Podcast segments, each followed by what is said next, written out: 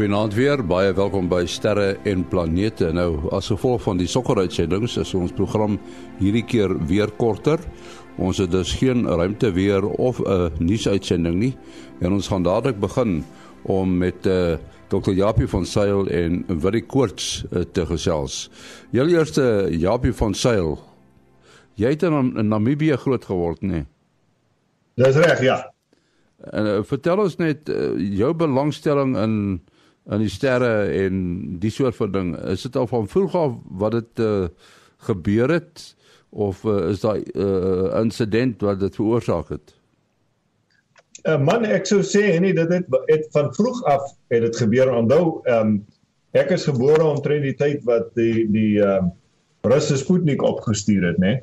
So ek is nou reg ek is nou regtig 'n space age baba gewees en hy en hy uh, uh, opsig en uh, as 'n kind het ons daar in die noorde van Namibië in die Kaokoland deel baie in die in ons skoolvakansies en so aan het ons gekamp buitekant en en voor ek nog skool toe was ook en uh, dan het ons altyd hierdie die in die na, in die aande gelê en kyk of die satelliete oorgaan en so aan en die sterre bespreek en so voort. En ek onthou nog baie goed, ek was seker so 6 of 7 jaar oud toe ek vir my ma eendag gevra het of sy dink daar's mense op.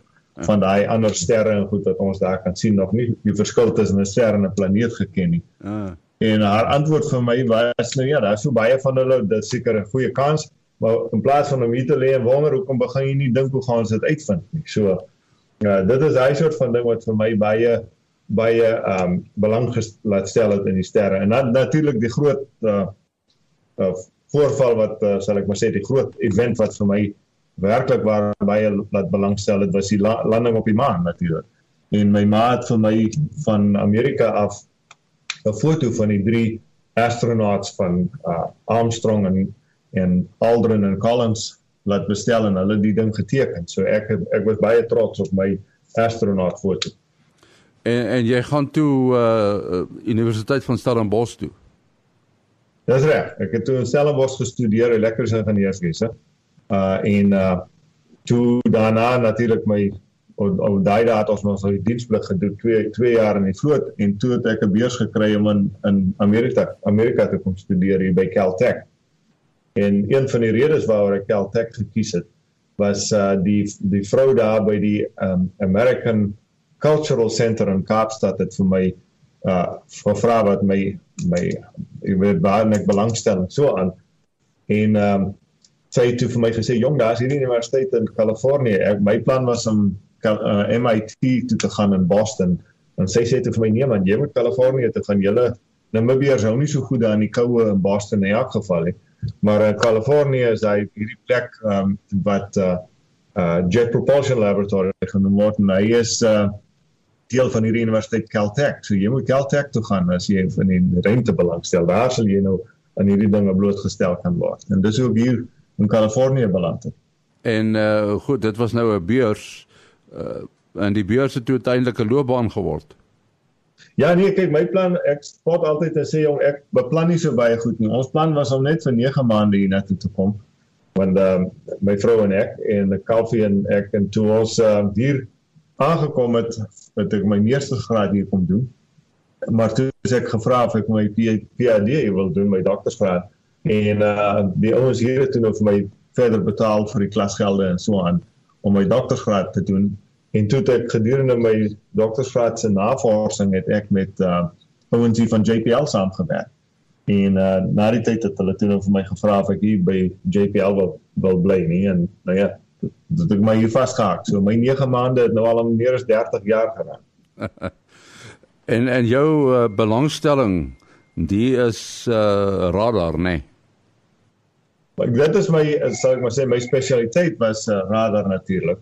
Maar uh, ek het um, uh, baie baie belangstelling. So ek het uh, you know uh, ek het uh, navorsing gedoen met radar. Ek doen dit nog steeds. Uh, dis basies die groot toepassing wat ek op konsentreer is om te kan meet hoe nat die um, grond is, hoeveel vog is daar in grond, want dit is een van die groot uh sal ek maar sê die uh, soos hulle in Engels sê inputs in die in die klimaatsmodelle is hoeveel vog ontsnap uit die grond uit in die in die atmosfeer. So dis een van die dinge wat ek nou probeer ehm um, werk aan dit en ek het nou 'n paar van my PhD studente nou al hulle doktorsgrade gekry op hierdie probleem. Dit is nogal 'n bietjie van 'n moeilike probleem, maar daarvoor gebruik ons radar natuurlik. Ja, en nou sit jy met 'n groot stofstorm wat jy moet hanteer op Mars. Ja nee, nee kyk soos ek vir die mense sê as ons op pad Mars toe is soos nou met Insight, is nou nie soos 'n vliegtuig wat ons so 'n bietjie kan sirkel en wag tot die die winde bedaar het en die stof gaan lê het nie. Ons ons moet land of waar nou wind is en stof is of nie. So ja, ons maar bietjie bekommerd. En hierdie stofstorm is een van die groteres wat ons nou in die laaste 10 jaar of so gesien het hierso op Mars. Ehm um, van die van die stofwolke is nou al omtrent so 40 km hoog. Ehm um, en hy is omtrent die hele planeet is nou omtrent omsingel daardeur. Maar nou ja, ons sal maar uh, as ons daar aankom, ons ons het die landingsstelsel ontwerp om in so 'n storm te kan land. So ons sal sien of dit goed werk. Die feit dat Mars op die oomblik so helder en rooi is, dit is seker van weer die stofstorm, die die rooi kleur. Ja. Ja, nee, dit is waar. Dit is uh dit is as gevolg van die die rooi stof natuurlik wat in die lug is en omdat daar nou so baie stof deeltjies is, nou lyk hy 'n bietjie groter. Want soos ek sê, die die uh van die die wolke is omtrent so 40 km hoog en die baie stofdeeltjies uh, dra natuurlik by dat daar nou meer van die lig weerkaats word terug na die aarde toe van die son af. En dis hoekom hy nou so 'n bietjie helderder en so rooier lyk as as normaalweg. Japan het nou uh, een van sy tye opgestuur om te gaan parkeer naby 'n asteroïde en jy het al daarvan gepraat dat 'n uh, eh, mens iets kan parkeer naby 'n voorwerp. Wat bedoel jy presies met parkeer?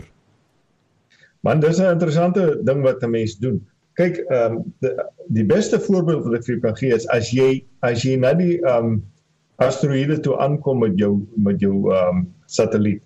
Die die asteroïde natuurlik beweeg teen 'n hoë spoed want hy's in 'n baan om die son. Maar as jy nou jou spoed van jou satelliet kan aanpas dat jy presies dieselfde spoed vlieg as wat die ehm um, die uh, asteroïde vlieg, dan lyk dit natuurlik asof julle twee stil staan uh met betrekking tot mekaar, né? Nee? Dit is dieselfde idee as jy met twee karre teen 'n hoë spoed op die uh op die snelweg ry en uh moedig natuurlik nie mense aan om dit te doen nie, maar as jy teen dieselfde spoed ry, dan lyk dit of die ander ouens in die in die motorkar langs jou stil staan. Jy kan hulle sit en gesels alhoewel jy teen 'n hoë spoed ry.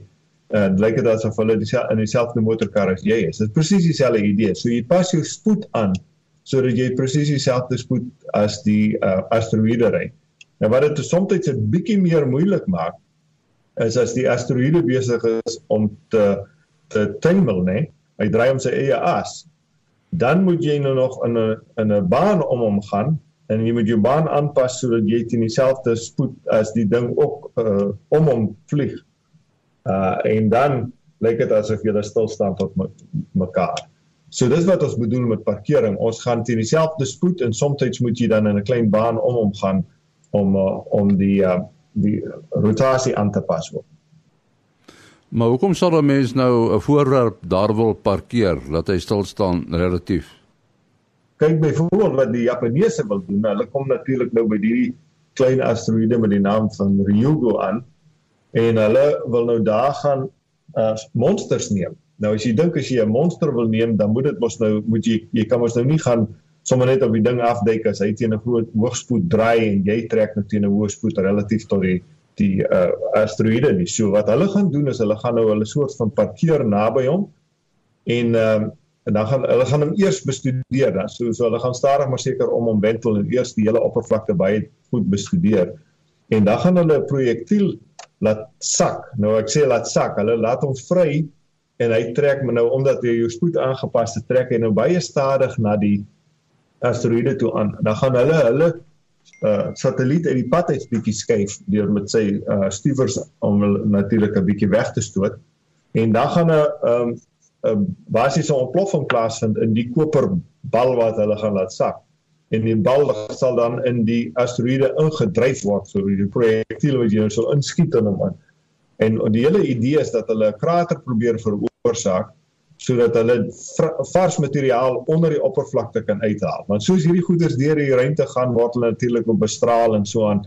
So dit verander die materiaal wat diep binne in die asteroïde is. En wat hulle hier wil doen is hulle wil die chemiese samestelling meet van wat die materiaal wat binne in die asteroïde is. So dis hoekom hulle 'n vars krater wil maak en dan gaan hulle terugkom met hulle met hulle ehm um, satelliet en stadig maar seker nader kom en dan uh ehm uh, van daai vars materiaal optel.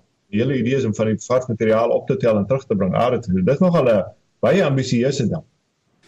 Ja, as as ek miskien net kan byvoeg, eh, ons het nogal 'n interessante uh, vrae gekry van Eugene Els wat ook 'n gereelde luisteraar is van die program en um hy het eintlik vir my 'n briefie geskryf en onder andere ook gevra na die ontstaan uh, van asteroïdes en die asteroïde gordel en um en hy het toe nou daardie hipotese uitgewerk van twee planete wat moontlik kon gebots het en en toe nou die brokstukke veroorsaak het. Nou weet ek daar's 'n tweede uh of of dit lyk vir my deesdae is die algemene mening dat uh dit is eintlik net 'n planeet wat nooit gevorm het nie. Uh, kan jy vir ons so 'n bietjie toelig dalk daaroor uh maar Jabie? Ja, kyk, daar's 'n daar's op die oomblik is baie interessant. Daar's op die oomblik 'n baie baie groot sal ek maar sê hersiening aan die gang van wat ons dink hoe oud plekke is en so voort. Uh en een van die dinge is met die asteroïdes wat mense gedoen het met die asteroïdes is hulle het uh die die twee verskillende teorieë gehad. Een is dat ehm um, daar een of ander planeet gevorm het. Hy het met 'n ander groot ding gebots en uh dis nou die brokstukke soos jy sê wat nou daar in die gordel nou tussen Jupiter en Mars nou uh wentel. Die ander 'n groot teorie is dat ehm um, dit is oorblyfsels van die oorspronklike wat hulle noem die debris disk waar uit die ander planete gevorm het. Maar hierdie is hierdie deel, hierdie gordel het om een of ander rede nooit saamgekom en uh, en 'n redelike groot planeet gevorm nie. Nou wat is interessant is daar's nou aanduidings mense hierdie goeters nou spektroskopies gaan bestudeer om te kyk hoe hulle hulle chemiese samestellings is en so voort. En ehm um, dit blyk asof die al hierdie asteroïdes van 'n klein uh daar's nou 'n bietjie van 'n stryery die, die getal wat meestal lê nou genoem word deesdae is asof hulle uit 12 voorwerpe uitgekom het dan. Ehm um, want die die die spektroskopiese uh uh samestellings uh groepeer so in 12 min of meer 12 klasse dit dan soos ek sê daar's nog 'n bietjie stryer hoeveel die klasse is maar dit is 'n verbasend klein getal. En as dit nou die geval is, dan kan 'n mens nou weer begin dink daaraan dat dit heel waarskynlik waar is dat dit ehm um, wel protoplanete gevorm het en toe weer uitmekaar het ge, gebots het en uitmekaar het gespat het natuurlik. So dit is nou 'n baie interessante stryer op die oomblik maar soos die tegnologie nou uh besig is om te verander, dink ek ons gaan binnekort er, baie baie goeie uh inligting begin kry en daar's natuurlik nou hernieude ywer waarmee ons bestudeer om te sien hoe het hulle wel gevorm. Ons weet van een van hulle met die naam van Psyche, ons uh, gaan hier van JPL af 'n satelliet na Psyche toe stuur in 2022. Nou Psyche weet ons van spektroskopiese uh waarnemings dat hy heeltemal anderster as die anders is. Hy is basies 'n uh, uh 90 95% nikkel en yster. Nou die uh, die manier waarop jy nikkel en yster kan kry met teen daai hoë uh, persentasie is dat uh dit dalk die oorblywe oorblywende kern is van 'n uh, planeet wat gevorm het en toe uitmekaar het gespat is deur uh, deur botsings wat sê wat ons noem sy kors weggestroop is met uh, met botsings. Nou as jy die berekenings doen dan is daar uh die kanse dat jy so 'n voorwerp sal vind in ons sonnestelsel uh oor die hele geskiedenis van ons sonnestelsel sal dit miskien twee keer so ver sou gebeur het. So dis 'n baie unieke voorwerp wat ons ook nou wil gaan bestudeer. Dit lyk my die teorie hoekom dit nie uh of ja ja hoekom dit eerder 'n uh, 'n uh, ding is wat nie gevorm het nie is as gevolg van die aantrekkingskrag van Jupiter wat baie groot is en die goed eintlik die vorming 'n bietjie uitmekaar uitgeruk het. So maar dis baie interessant as jy nou sê die verskillende uh, tipes uh want ek onthou Vesta uh wat mos nou die derde grootste asteroïde as ek reg het uh is ook 'n vierde grootste dink ek. Um uh, maar dit is een van die wat jy die maklikste kan sien met die blote oog uh selfs onder gunstige omstandighede uh is ook lyk like my van 'n ander materiaal gemaak en jy's hoekom jy hom makliker kan sien is omdat hy 'n ander kleur is, ligter van kleur is.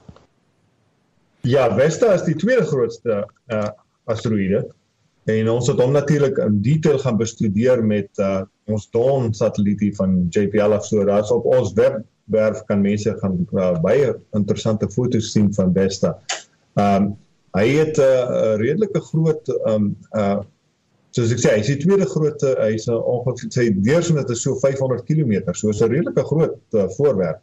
Nou wat interessant is van Vesta is daar is meer gewig uh, dele van Vesta op die aarde in te, in in die vorm van van meteoriete as wat daar maanklippe is deur al die maanklippe wat uh, Amerika se se Apollo program teruggebring het uh, tesame sit is daar nog steeds meer uh, van Vesta se se materiaal op die aarde in die vorm van meteoriete as wat daar van die maan af is. So ons kry hmm. baie baie gereeld deeltjies van Vesta af en hy het natuurlik uh, op in, in sy geskiedenis baie baie groot um botsings ondergaan om waarheid te sê daar's 'n krater op op Vesta wat Rhea Silvia genoem word wat uh, hy sê deursnit is omtrent sê die, so groot soos die die voorwerp homself so dit moes 'n ongelooflike groot botsing gewees het. Kan 'n mens aanvaar dat uh, ons het nou 'n asteroïde gordel in ons sonnestelsel dat by ander uh, stelsels met wat wat wat 'n ster 'n son in die middel het dat daar ook moontlik asteroïde gordels gaan wees. Uh oh, ja, dit is baie duidelik dat dit die geval is. Ons ons ehm um, dis 'n interessante manier hoe die ouens dit bereken. Maar met ons uh, ruimteteleskope, daar's baie uh, sterre wat ehm um, wat sogenaamde debris disk om hulle het waarin daar dan uh ehm um, sal ek sal ek, sal ek maar sê gapings voorkom. Ehm um, en die die teorie is dat hierdie debris disk is die ding wat soort van die materiaal is waaruit al die die planete vorm en wanneer 'n planeet dan vorm dan gebruik jy natuurlik die materiaal om hom op sodat dit veroorsaak hy nou hierdie groot gaping in hierdie in hierdie oorspronklike disk en as jy nou op die ou alles opgebruik het dan jy nou natuurlik nou net die planete. En die manier waarop ons kan vasstel of daar gapings in die in die hierdie disks is is uh jy neem die temperatuur van die uh van die ding uh, ons meet in met infrarooi. En aangesien alles in equilibrium is, is daar 'n baie bekende temperatuurverskil tussen die die binnekant van die disk sal ek maar sê die goed is daar die warmste en soos wat jy verder verder gaan raak jy goed kouer en kouer. En uh as jy dan sien daar's 'n gedeelte van die temperatuurspektrum wat nie wat nie daar is nie in jou in jou waarnemings dan weet jy daai deel van die van die disk bestaan nie. En dan dis dan beteken dit aan dat daar 'n gaping is. So dit is baie baie algemeen uh, om om uh disks te sien waar gapings in is en dan so 'n gordel soos soos ons nou hier op die aarde het. Ja, vir jou besonderhede. My e-posadres uh, japijpl@gmail.com. japijpl@gmail.com. En dan wil jy? Ja, mense kan bel WhatsApp of SMS 072 45 79 208 072 45 79 208 en dan my e-posadres maas.henny@gmail.com maas.henny@gmail.com Volgende week praat ons weer verder. Alles van die beste.